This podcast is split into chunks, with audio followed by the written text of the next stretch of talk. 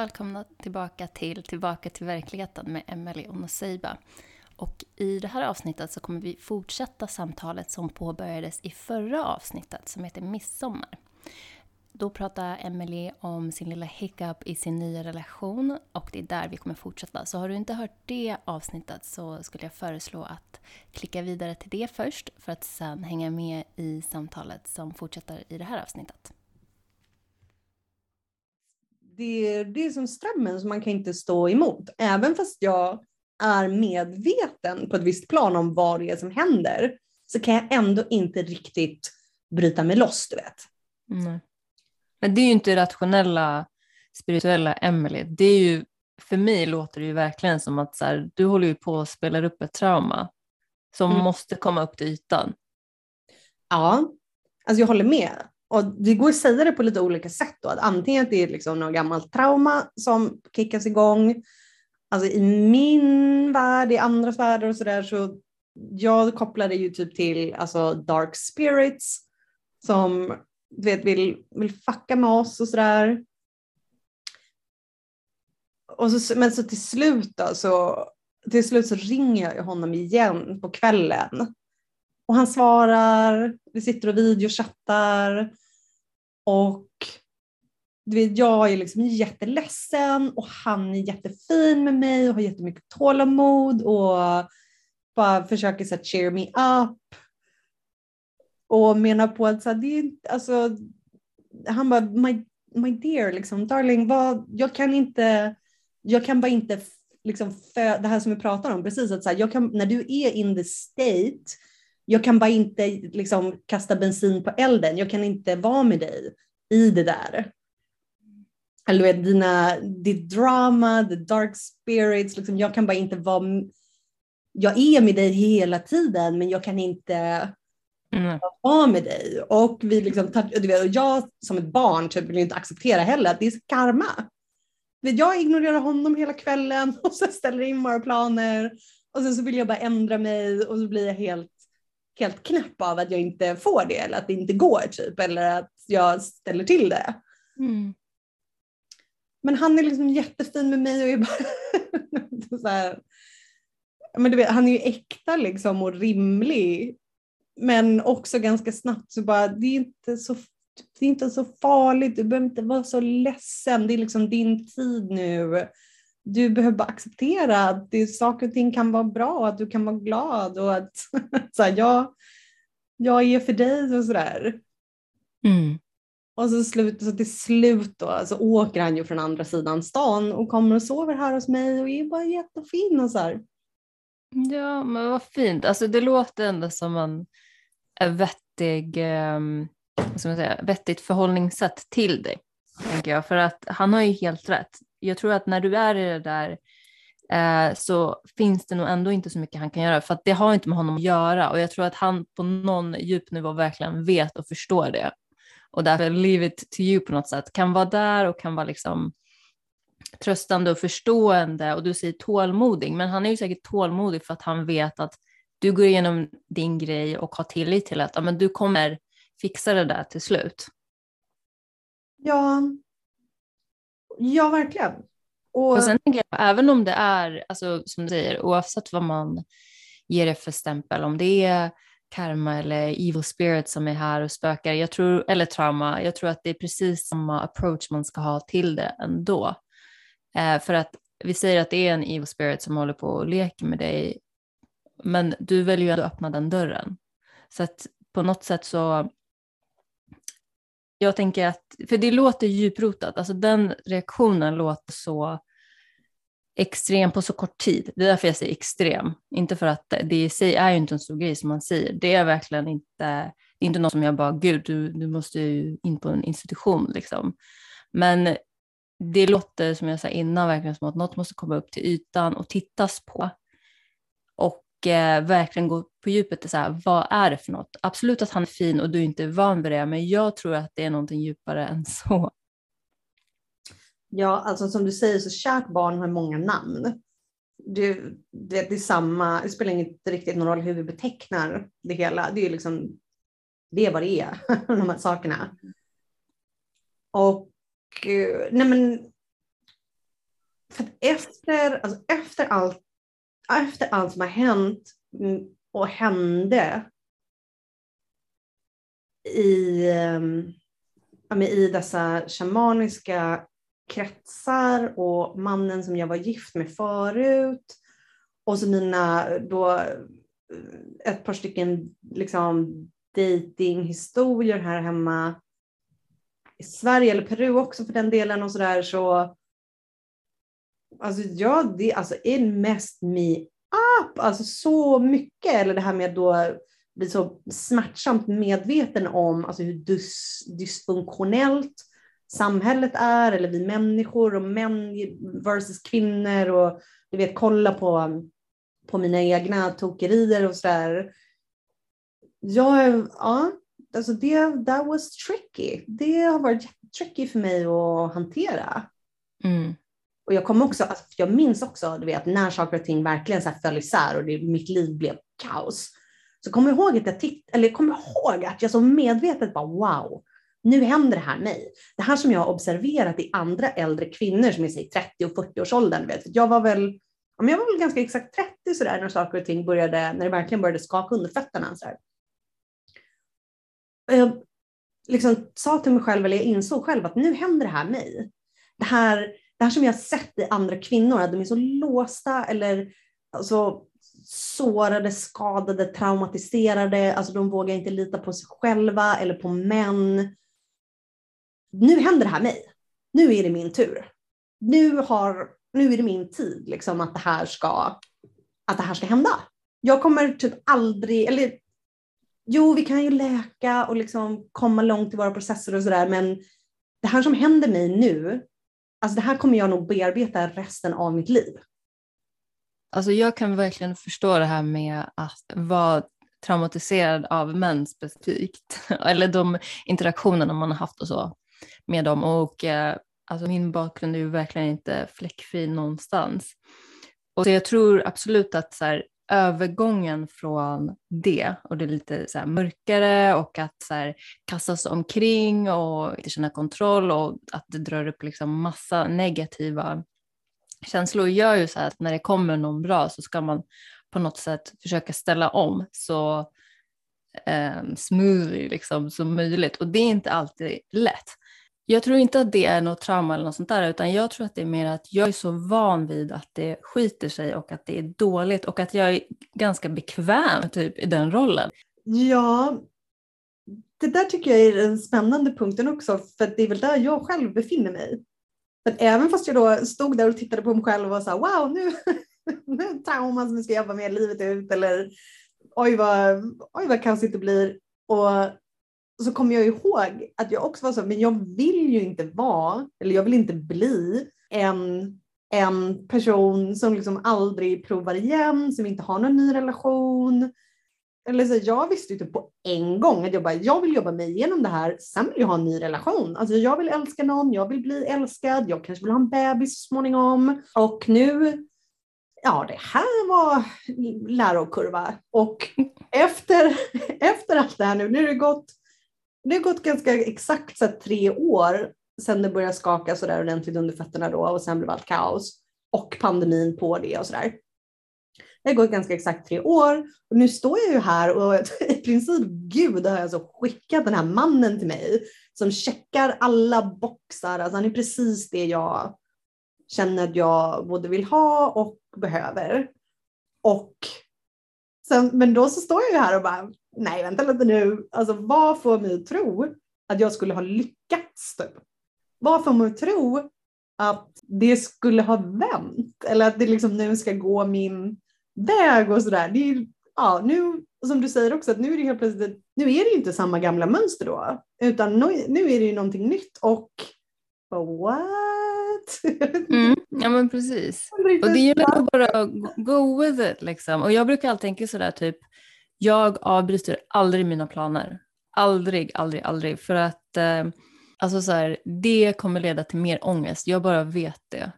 Så det är bättre att bara så här, okej, okay, jag känner mig inte jättetaggad på att ses, men jag kommer göra det ändå. Och jag vet ju att det kommer släppa för så är det varje gång. Och sen kan det vara så att ja, men saker kanske faktiskt inte funkar och det kanske så här, skiter sig liksom.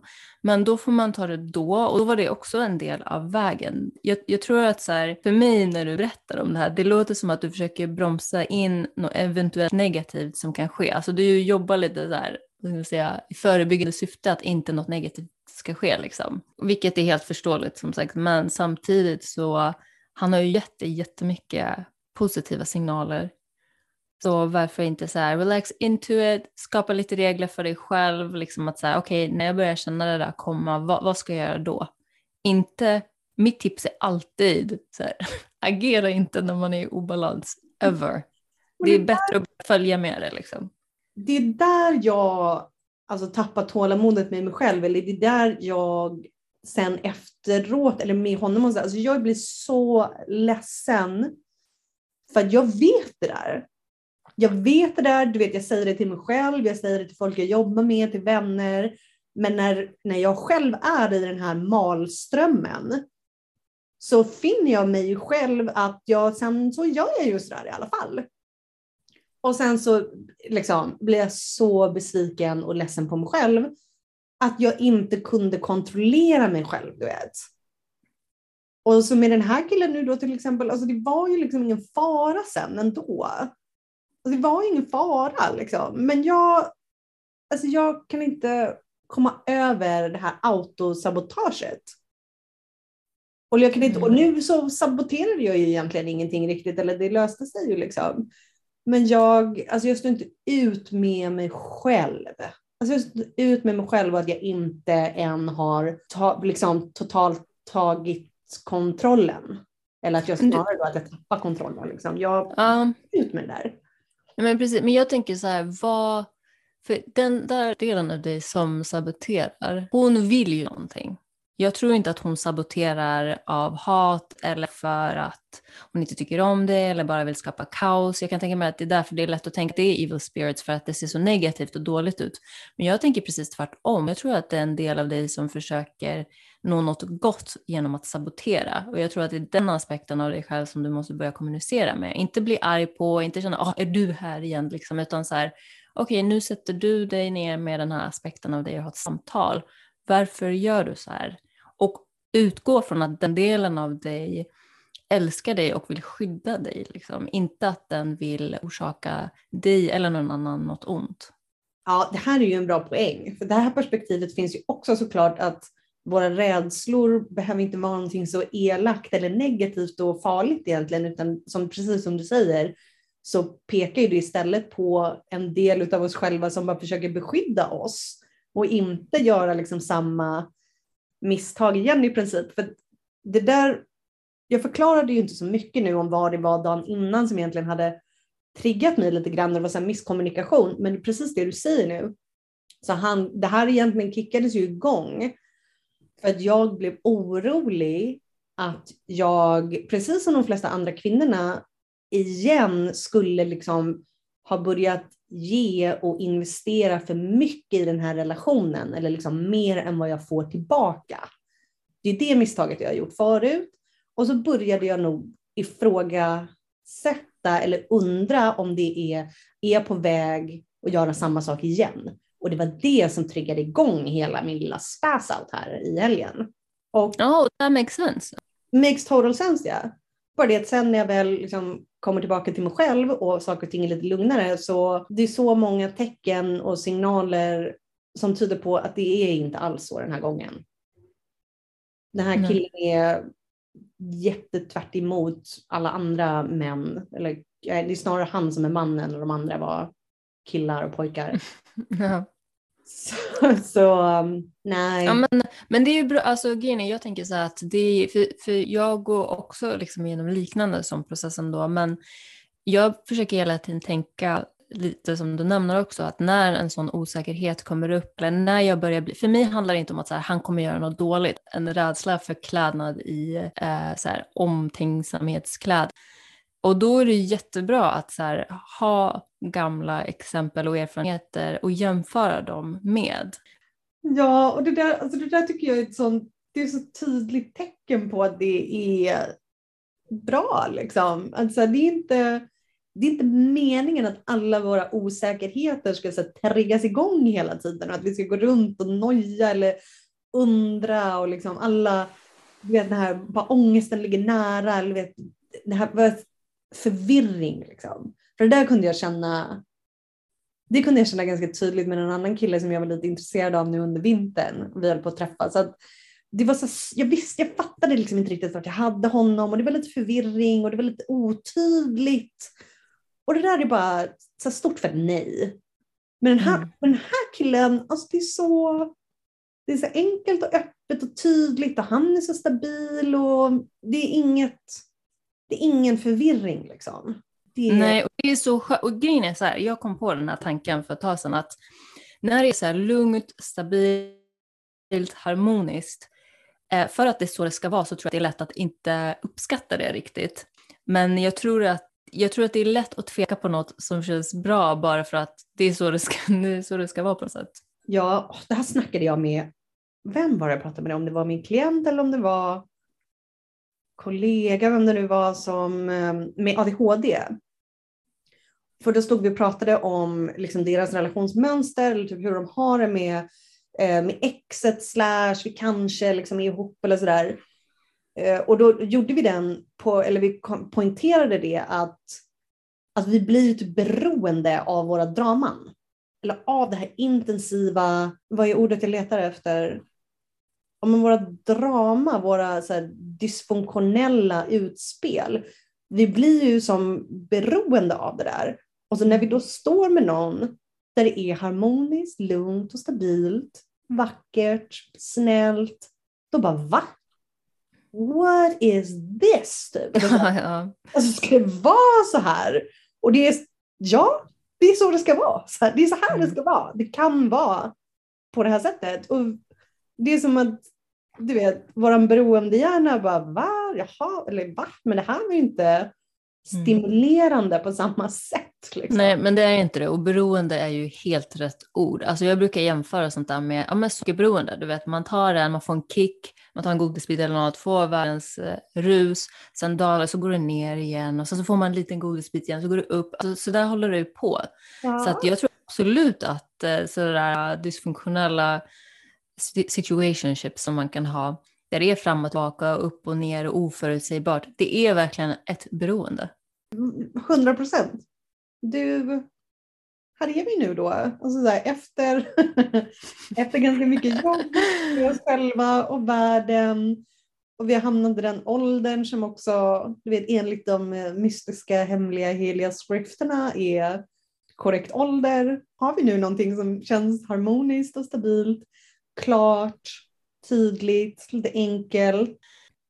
Det är, men som du säger, jag påpekar det också till alla hela tiden också, att det, vi, ska inte, vi borde inte springa runt och försöka leta reda liksom, på den rätte eller förvänta oss att den vi dejtar nästa gång är den rätte. Utan fokusera på att skapa några positiva datingupplevelser, liksom en, en string eller en rad av positiva datingupplevelser för att lära sig, för att prova på, utforska. Det är liksom en bättre attityd än att så här, du ska vara min man. Jag tror att folk är så ovana att bara en trevlig kopp kaffe kan få vara bara det. Att så här, hjärnan springer iväg så himla fort till vart ska vi bo någonstans och vill du ha två barn eller tre barn? Alltså att, att inte bara så här kunna vara här och nu och se det fina i, även om det är en så här hemsk dejt, att kunna liksom försöka extract det fina i det för ens egen skull, om inget ja, annat. 100 procent. Det där med att springa iväg för långt in i framtiden och sådär. Ja, men eller du vet att man så inte tar sig tid till att kolla in, vem är den här människan? Alltså, mm -hmm. måste fråga rätt frågor, måste liksom kolla, måste kolla läget. Så här, det, det där är ju också typ en tecken på att det är så här, romansberoende hjärnan som håller på och ingenting annat. Så här, vi, kan inte, vi kan inte bara ta från första dejten och vara så här, he's the one. det är liksom ja. så. Men verkligen, och jag tror att många tar kemi på en första dejt eh, som så här, kärlek och så här, instant connection, då, det betyder någonting.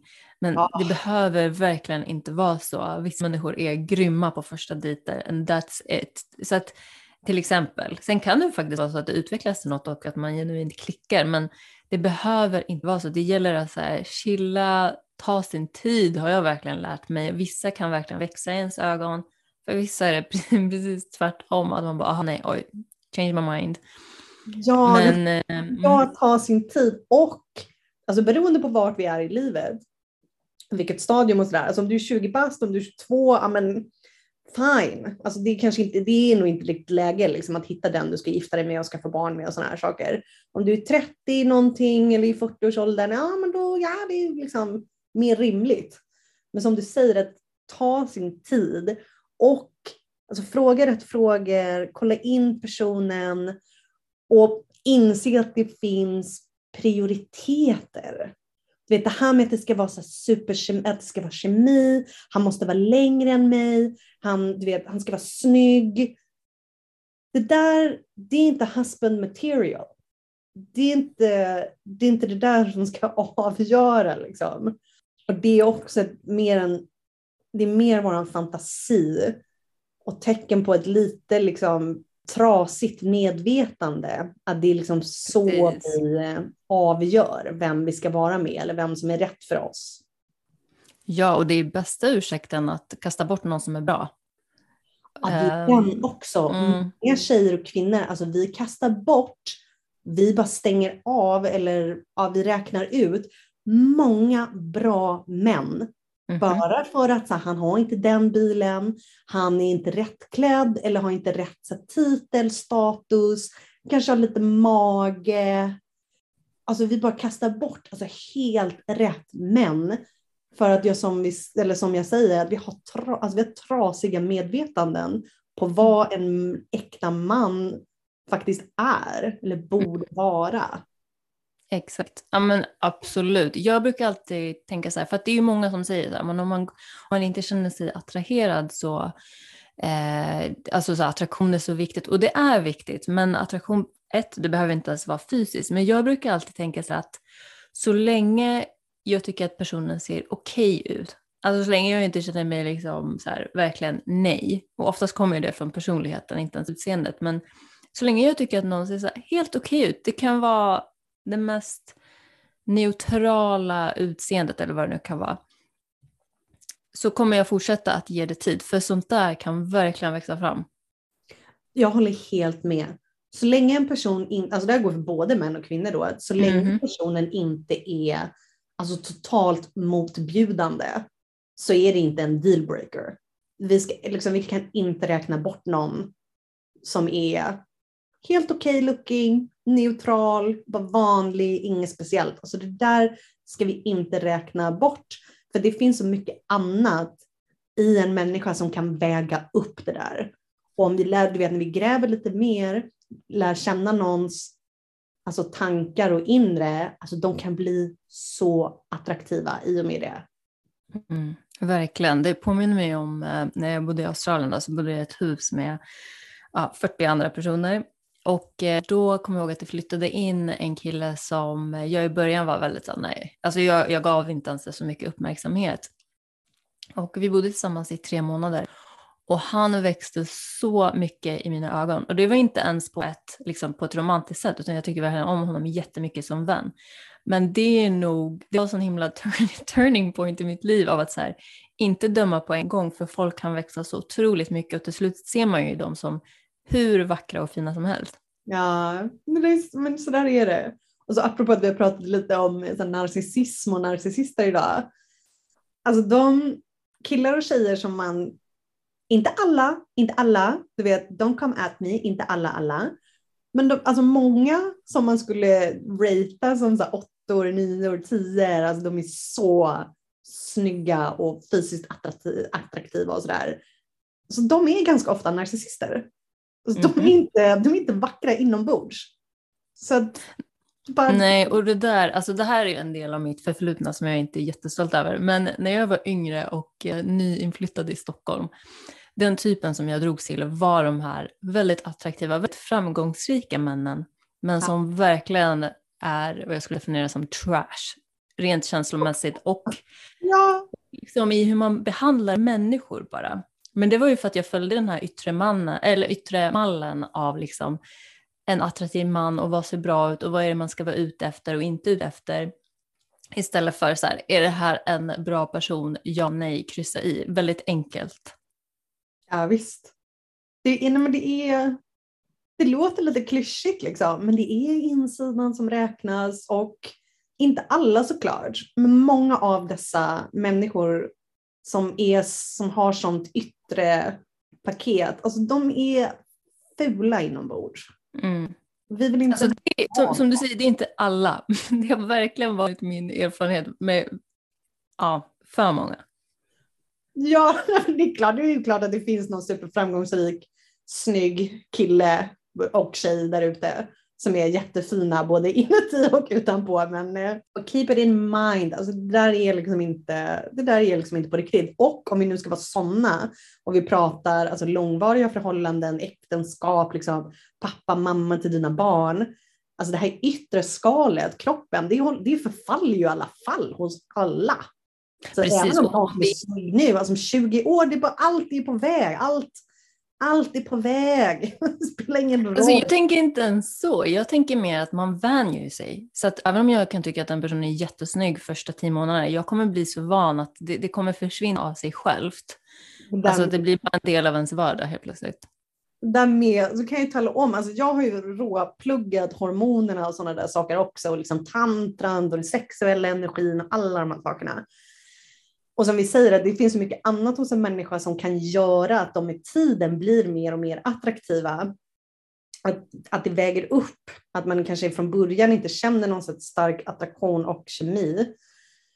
Att, alltså vi säger att, eller när vi går in i en relation då, eller mer och mer, och vi börjar bli fysiskt intima, oxytocinet triggas igång och sådana här saker. Alltså det där gör på en fysiologisk eh, nivå att personen blir mer och mer attraktiv.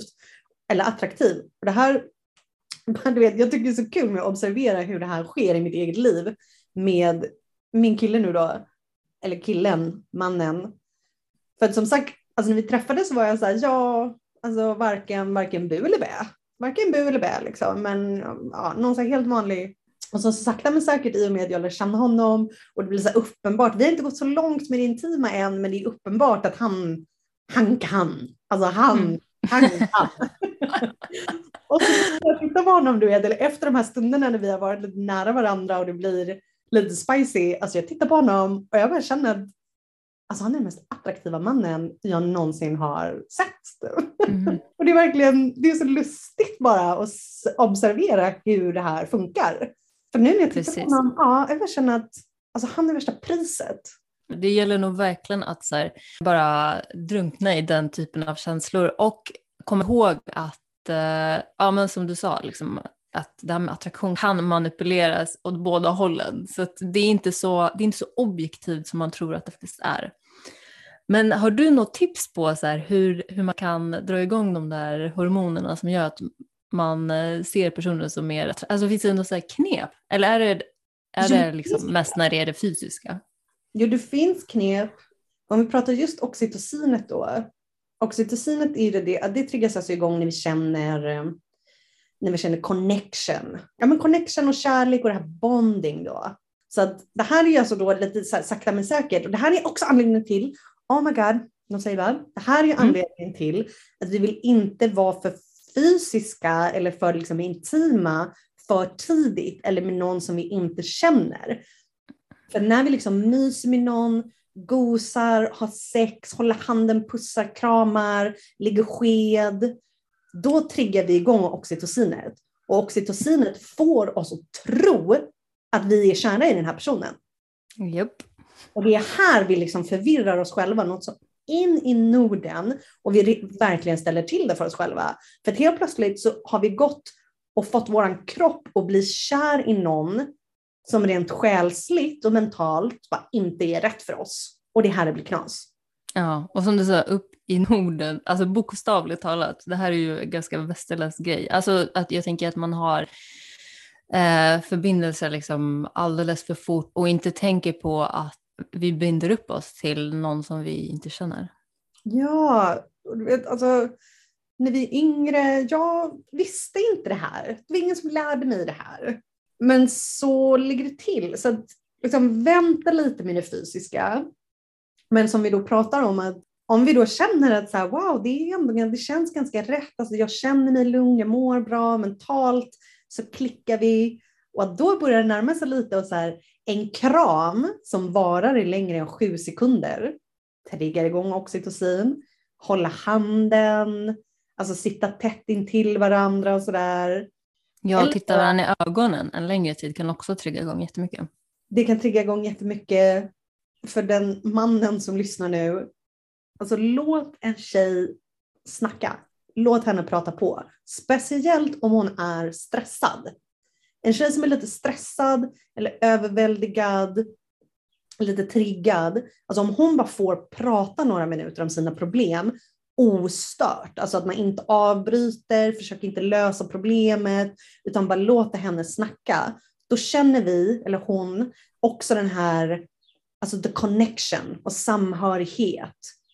Och det kommer sänka hennes stress, höja hennes oxytocin.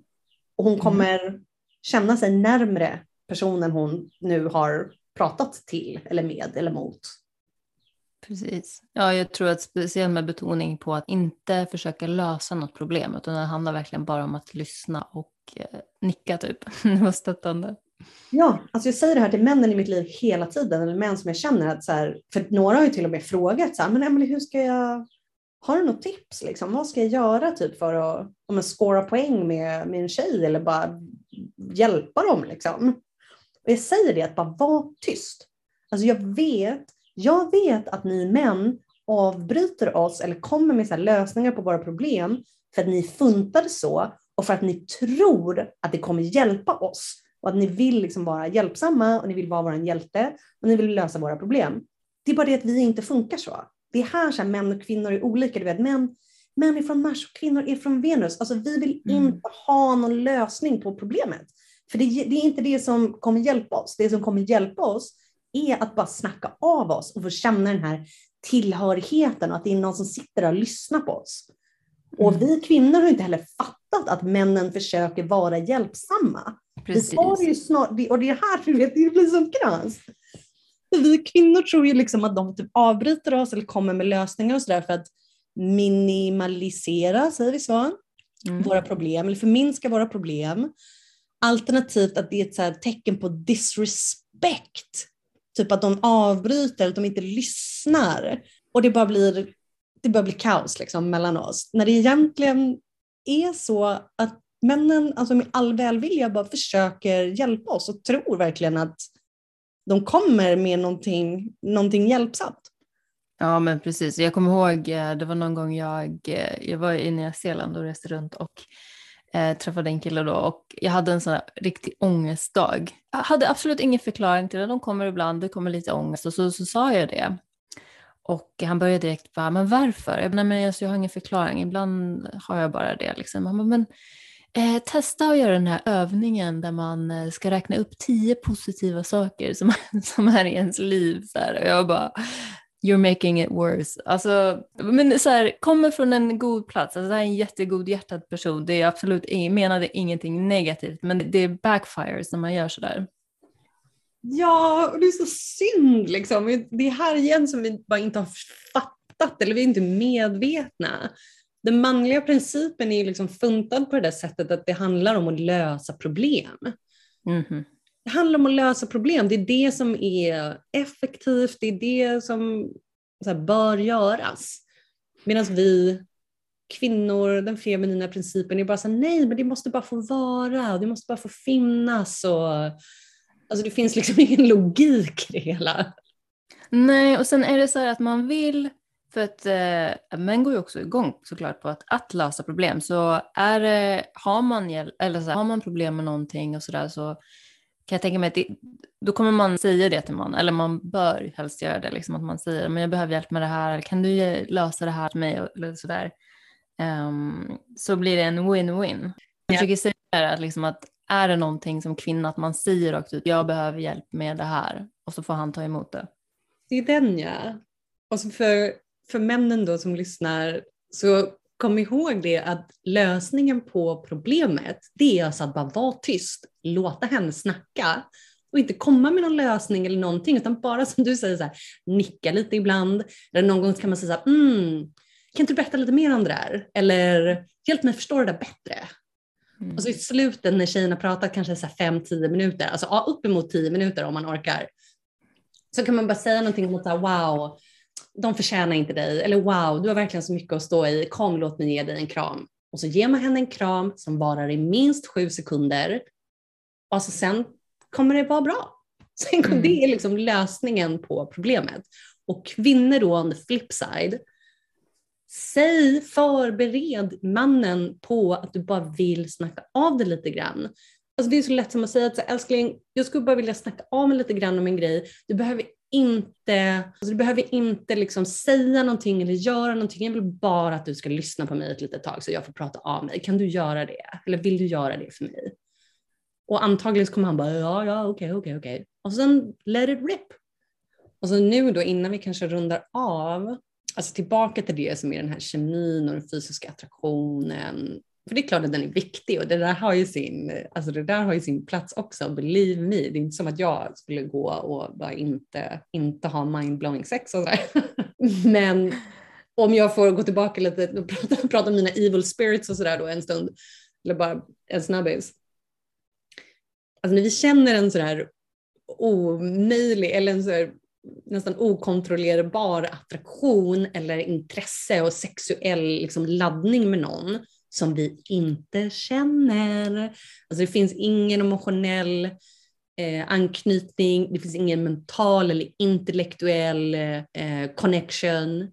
Alltså om, när vi då känner den här starka, starka attraktionen mot någon, alltså det är högst möjligt eller tyder på att den där människan, det är någon sån här energy vampire bakom det hela. Och det är liksom absolut, but don't go there. Nej, alltså träna dig själv, lär dig att det där är inte rätt. Alltså för de av oss som är riktigt så känsliga eller har öppnat upp oss och sådär och kan känna rent fysiskt i våra, i våra center, alltså i våra chakran och sådär.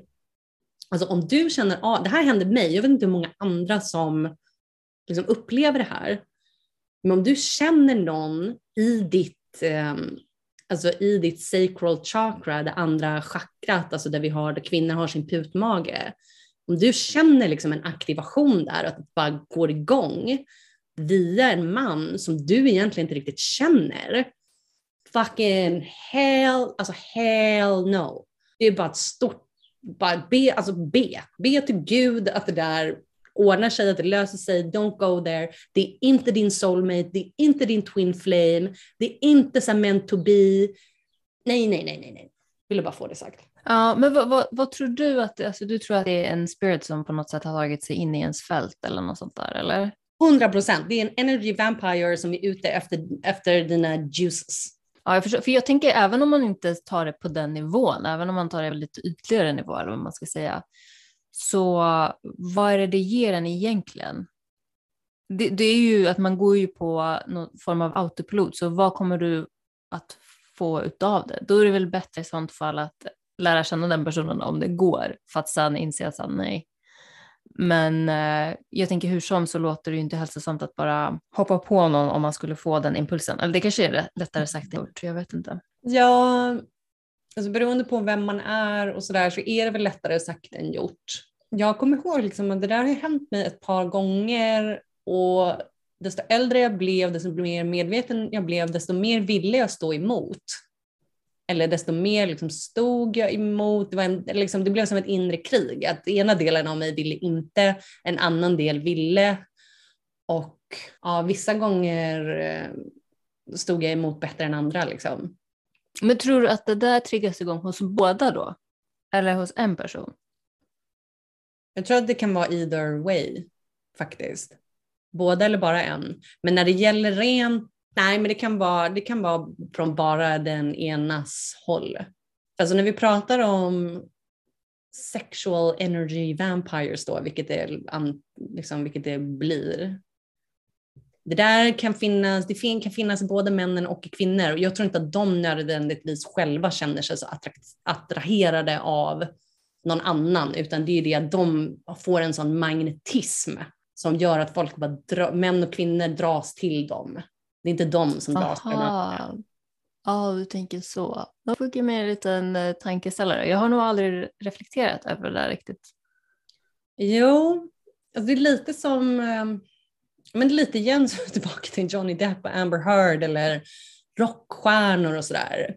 Det är bara, alltså du vet de har sån magnetism, de har sån aura, de har sån någonting att alla bara wow. Men många gånger på insidan så är det ju egentligen som du säger trash. Alltså they're gonna mess up your life. Oh, gud vad läskigt. Nej, jag håller mig Det är läskigt! Alltså, shit de här sakerna. Ja, speciellt just, jag tror känslan av magnetism är ju, den känns ju inte direkt negativ förrän man går för nära. Det är ju säkert därför det är där, för att locka dit en liksom, till det mörkare. Men eh, så här, eh, det är ju inte, det är inte som att man, om jag skulle känna, åh oh, gud, den här personen, det är inte som att jag direkt tänker, det här det är något negativt. Eh, men det kan det ju vara såklart. Ja, eh, precis. Alltså nu, det går lite till det, lite till det extrema när jag pratar. Eller det är ganska, ja, nej, men det förstår jag. Mm. Det här är ju inte liksom hela tiden, alltid och sådär. Dock... Nej, men, men kanske specifikt i den kontexten du berättade om, att om man kanske känner sådär sexuellt väldigt dragen till någon man inte känner, då kan det ju vara att eh, ja, men en varningsflagga ja. gå upp. Alltså, speciellt då om du är en person som har gått och blivit ganska medveten eller öppen för liksom andar, energier och så vidare. Vi har börjat Alltså, där finns det också, som vi säger, nivåer eller resan är lång och sådär. Men om vi nu är en, någon som håller på att pyssla lite med det här, vet, man kanske lär sig om tantra och sådana här saker. Alltså den där världen är full av tokerier och inte snälla krafter och andar och sådana här saker. Så att det är lika bra, alltså det är lika bra att veta att det är inte bara regnbågar och solsken och namaste liksom. Nej, alltså det måste vi prata om någon gång för jag tycker att the spiritual community är ju verkligen fylld med så mycket mörker också. Ja men alltså massor, massor, massor. Mm, det gäller att kunna discern, verkligen. Man måste vara lite på sin vakt och ifrågasättande. Ja, så det är väl därför jag alltså, vill poängtera de här sakerna. För I de andliga kretsarna, alltså där om någonstans så är det så lätt att bli eh, missledd. Mm, precis. Och en del av mig kan känna att det kanske är lite av processen. Det är där man lär sig att förfina sina känslighetsskills samtidigt som eh, ja, det är bra att vara medveten om att ja, men det där tror jag också, att för många av oss är det del av processen. Jag hörde någon mm. säga det, att det är alltså different levels, different devils. Så för varje, Absolut. för varje gång du levlar upp så kommer det vara något nytt. Liksom. Mm -hmm. Absolut, jag märker ju det jättemycket med vissa lärare som jag brukade lyssna på för några år sedan. Att nu när jag lyssnar på dem så känner jag bara no. Ja. Samtidigt som jag är jättetacksam för dem för att jag har lärt mig jättemycket och jag hade förmodligen inte varit det är om det inte var för dem. Så att man, jag tycker man ser mer och mer båda sidor på saker. Det där är så det är spännande tycker jag, fascinerande. Sen kan jag lägga till som en sista på, på, på, den, här, på den här, att alltså desto, desto se, mer sexuellt potent du är, eller alltså desto större och kraftfullare liksom den här energin är med dig, desto mer av ett target kommer du vara. Mm. Så, um... Ja, du tänker för att då, har man, då är man connected till liksom livsskapande kraften eller något sånt. Just mm. precis. Så, och den som kontrollerar den kraften, uff, Alltså det är oh, som good stuff liksom. Så att fler kommer komma efter dig så att säga, eller desto the higher, alltså the stakes are even higher. Liksom. Just det, men det är en jättebra poäng. Och det är ett Ja. väldigt bra avslut. Ja, toppen. Tack för idag. Tack, tack för idag.